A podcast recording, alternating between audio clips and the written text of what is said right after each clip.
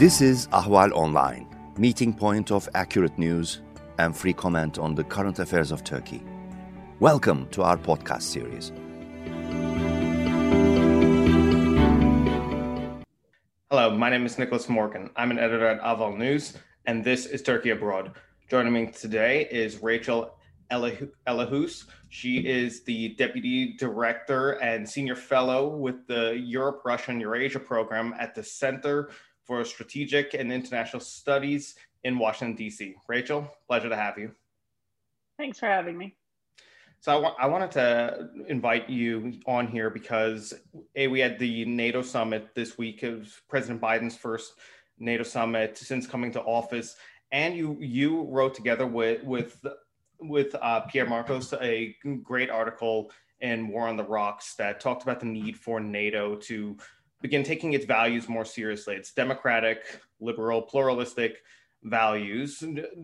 And on on Monday, when when President Biden was there, um, he made he made a speech at the end of the day before speaking to the press, where he actually brought up this topic and and emphasized the need, basically, for NATO to take it more seriously and for for the member states to look to renew democracy, renew their own democracies, and send a message to the rest of the world that it can still work.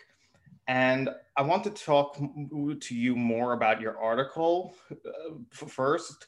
And I, I want to talk to you more about your article, yes. But first, I want to get your take on on Biden bringing up this topic at the NATO summit. What what were your impressions? Well, I would say that this um, theme of democratic values has become a hallmark of Biden's foreign policy. And he said on several occasions that the two can't be divided. And in fact, that one of the best defenses that the United States and its allies and partners has against those who are not living up to um, these values and principles is by setting a strong example. That in fact, a strong defense is the United States and its its allies and partners abiding by those principles. So I think that had been seen in his interactions um, with China, certainly um, in messages towards Russia. So I expect you to continue to hear a lot about this as an integral part of the foreign policy and the U.S. brand. Do you, do you think it was in any way a break from from previous administrations where usually these NATO summits tended to revolve around discussion, more technical discussions, such as threat perceptions or, say, defense spending, which the Trump administration, the Obama administration before it, continually brought up um, at NATO summits to try to encourage other members to spend close to 2% on defense? Well, of course, he addressed that as well because it's important that if NATO has a certain level of ambition, that it's able to resource that. So he definitely spoke about responsibility and burden sharing and the importance of not just meeting the 2%, but also making sure that allies' contributions and what they're spending the money on is going to things that make NATO stronger. Um, but in terms of values, if you go back and you look at most of the NATO communiques from summits and, and foreign and defense ministerials, at the in the very first paragraph there is always a reference to the north atlantic treaty and the values and principles that underpin the alliance from its very inception. I think the problem is is in you know when you look at how unequally uh, those principles have been upheld across the alliance they're increasingly ringing hollow. So it's one thing to name check the treaty and those values and principles but that's not very helpful when in reality everybody can see that those are being undermined by nato member states and there's a number of member states of course that are veering into this quote unquote illiberal direction that that's calling into question whether or not the the NATO alliance is actually a alliance of democratic states. And because it's Turkey abroad, of course, I would like to um, single out Turkey among them because right before Biden made his speech, he had just finished his meeting with President Erdogan, his first his administration, and well, first of his presidency, rather. And I don't think that, of course, the mention about democracy was directly connected to that meeting, but it did make me think about how Turkey, in a way, of course, stands out in particular among the NATO, NATO member states for for the way in which it's backslided so so much on democracy under President Erdogan. And the Biden administration's called out Turkey since coming to office a number of times. And he brought up the top, he brought up these topics surely in his meeting with President Erdogan. But does Turkey in any way to you represent something of a unique challenge on the question of how NATO is going to go about taking renewing its uh, re- renewing democracy within within itself? Well, I would first say that, you know, I know I'll, I will speak to Turkey, but Turkey is not alone. In fact, there are a number of allies who are guilty of this democratic backsliding, some more than others. But, you know, certainly we've seen crackdowns on the judiciary in, in Poland and on media in, in Turkey, as well as Hungary and, and Greece. So they're not alone. Um, and in many ways, you see them learning from one another. So a lot of the social media laws, for example, that Turkey has put in place look very similar to what we're seeing in India and Russia. Uh, so I think these guys learn from each other, which is why it's so important to address, address it across the board.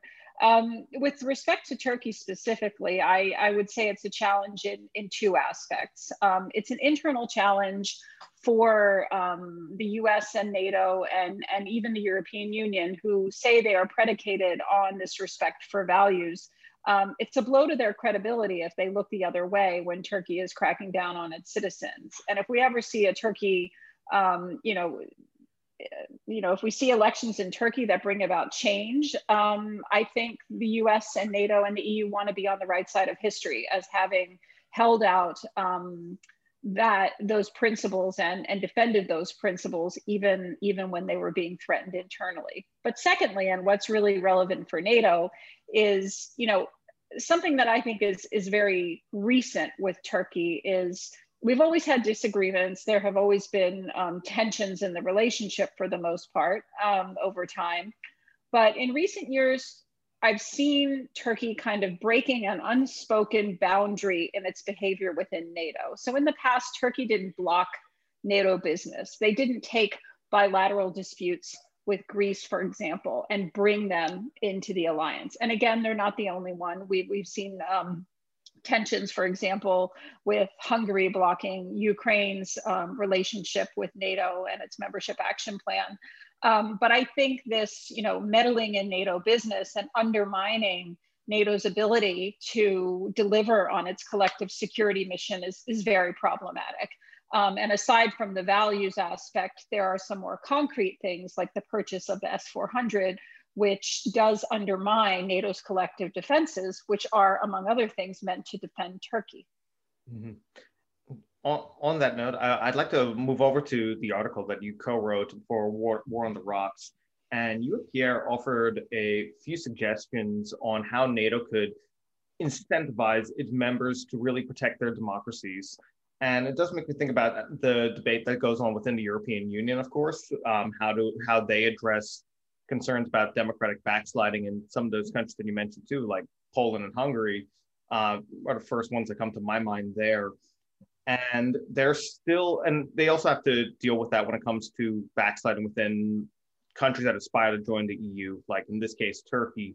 And it doesn't and of course they're still they still haven't found the perfect solution to address any of this. Um, and it does bring it back to NATO. It does make me think also how, uh, for much of its existence throughout the Cold War, um, NATO has really tolerated at points these less than democratic practices among its members, whether it was the, say, the, Portugal was a founding member at a time when it was still under a dictatorship. There was the Greek military junta, and of course, we had a number of military coups in Turkey as well. And in the end, the alliance chose solidarity rather than wading into these these internal issues.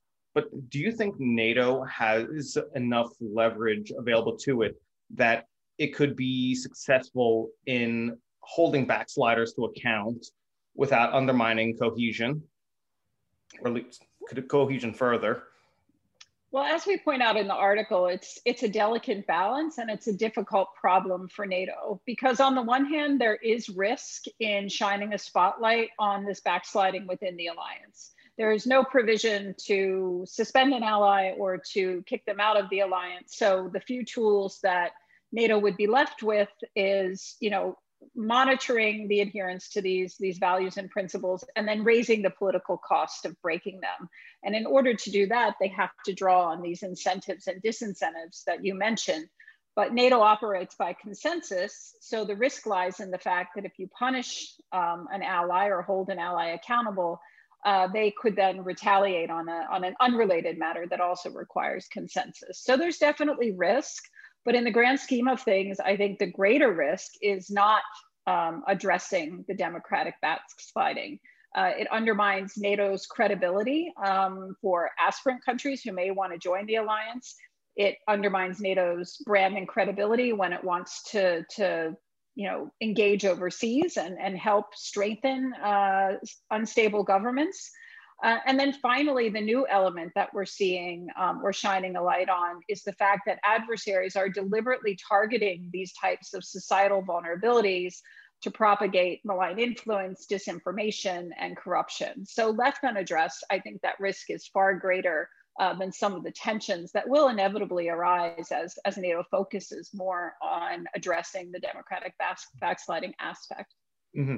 And, and we absolutely could see how that really fit into the the entire arc of President Biden's trip trip to Europe because uh, you know he began with the G7 meeting and then continued to meet meet allies through, throughout his trip before ultimately ending up in Geneva where he met where he had his summit with President Putin and Russia. And Russia of course naturally comes to mind immediately as one of those countries that has successfully tried to exploit these inter- these internal weaknesses within these uh, NATO member states. And they've done the same, of course, with Turkey too. They've managed to find ways, whether it was uh, whether it was 30s 400 or cooperating with Turkey further afield, to use them as a spoiler within NATO. But uh, one one question that that just came to me actually is that NATO as a military alliance is it's it's clear cut on how how that functions. But do you think that now with this new this new focus on say protect protecting the internal cohesion and making sure that the the the member states remain functional, do you think NATO still has to grow into itself uh, as a political alliance, like it has as a military alliance?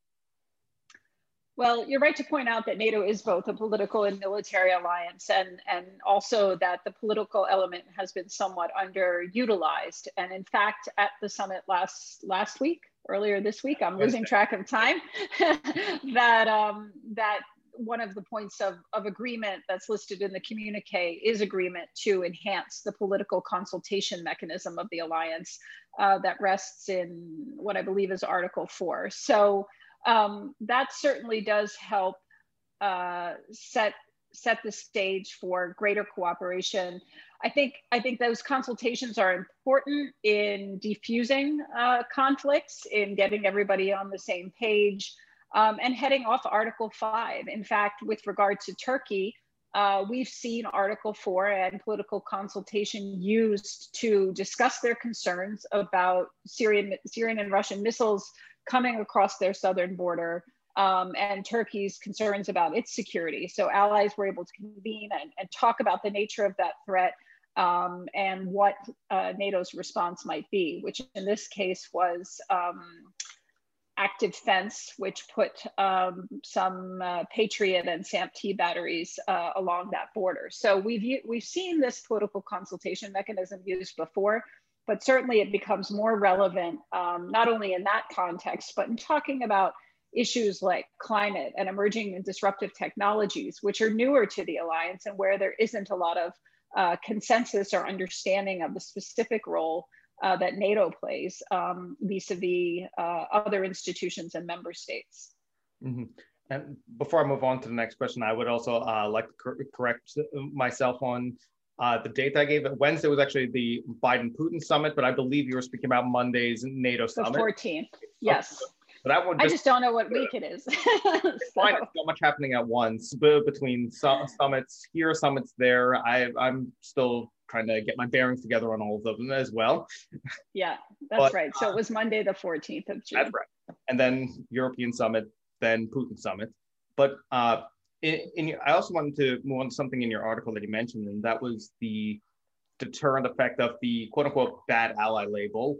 And some members, of course, might already see Turkey as the poster child of that bad ally, um, whether it was because of the in, the invasion in Syria in October of 2019, or of course the S4 purchasing the S400, saber rattling um, in the East Mediterranean, or uh, more recently the Ryanair st- watering down the Ryanair statement related to Belarus um, these would argue these it would argue are within Turkey. I mean, would argue are within its national interest, even if it comes at the expense of NATO unity.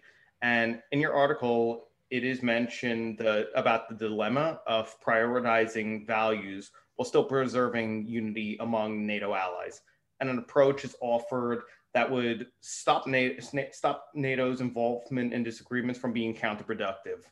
Why, why would this approach deter the type of divisive unilateral moves made by member states like Turkey and get them to really think twice or think about themselves and how their actions will affect, say, in this case, the wider alliance?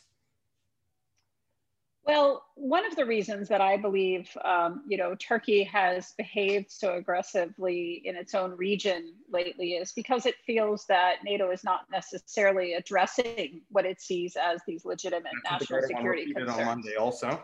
Right. So it doesn't excuse the behavior. And I would argue that Erdogan should sort of try harder to build consensus in, in the alliance and to explain uh, to those allies uh, what the nature of the threat is.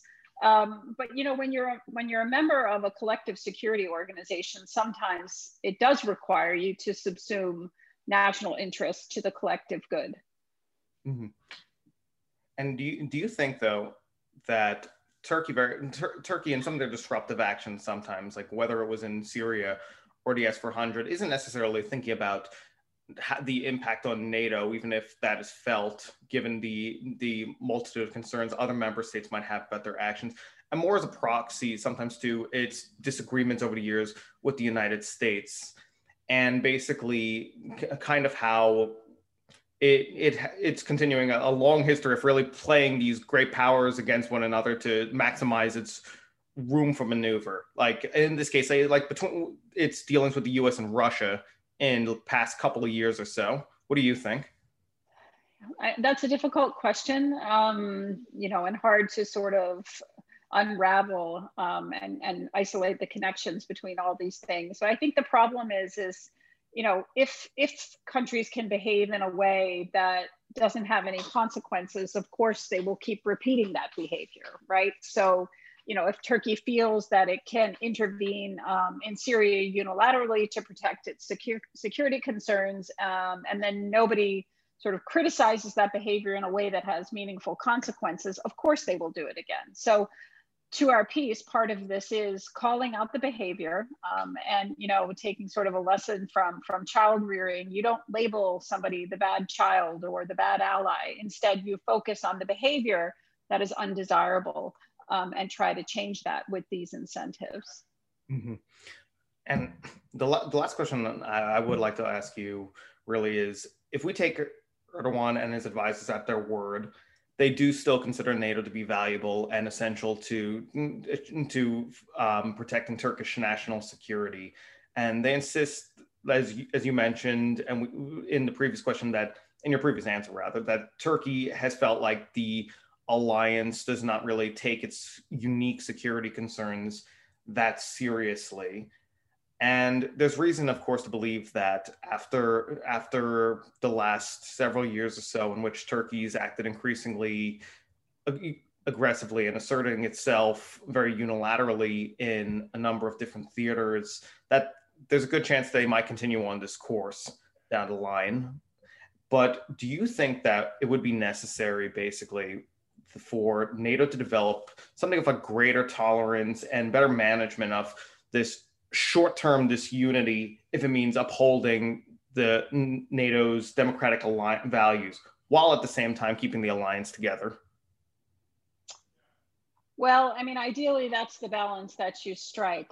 Um, and you know, insofar as this process doesn't necessarily exist for for holding allies accountable, I, I, think the best move would be for the alliance to put something in place. And one of the things we recommended was linking it to the resilience metrics. So NATO focuses a lot on resilience, and that's concrete things like resilience of critical infrastructure and communications networks and supply chains, but it's also societal resilience. Um, and so I think that, you know, the framework for addressing this in a way that strikes that balance that you mentioned um, is there, but it will have to be sort of adjusted and, and tweaked over time because it is it is quite difficult uh, to achieve very delicate balance that we'll hopefully be able to see some progress made on soon.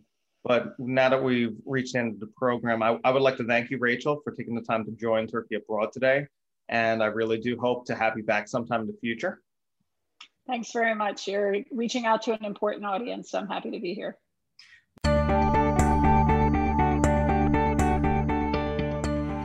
You can follow Ahval News Online podcast series through Apple Podcasts Spotify, YouTube, Google Podcasts, SoundCloud, and Spreaker. All you need to know about Turkey is here for your ears, mind, and attention. Thank you for listening to our podcast.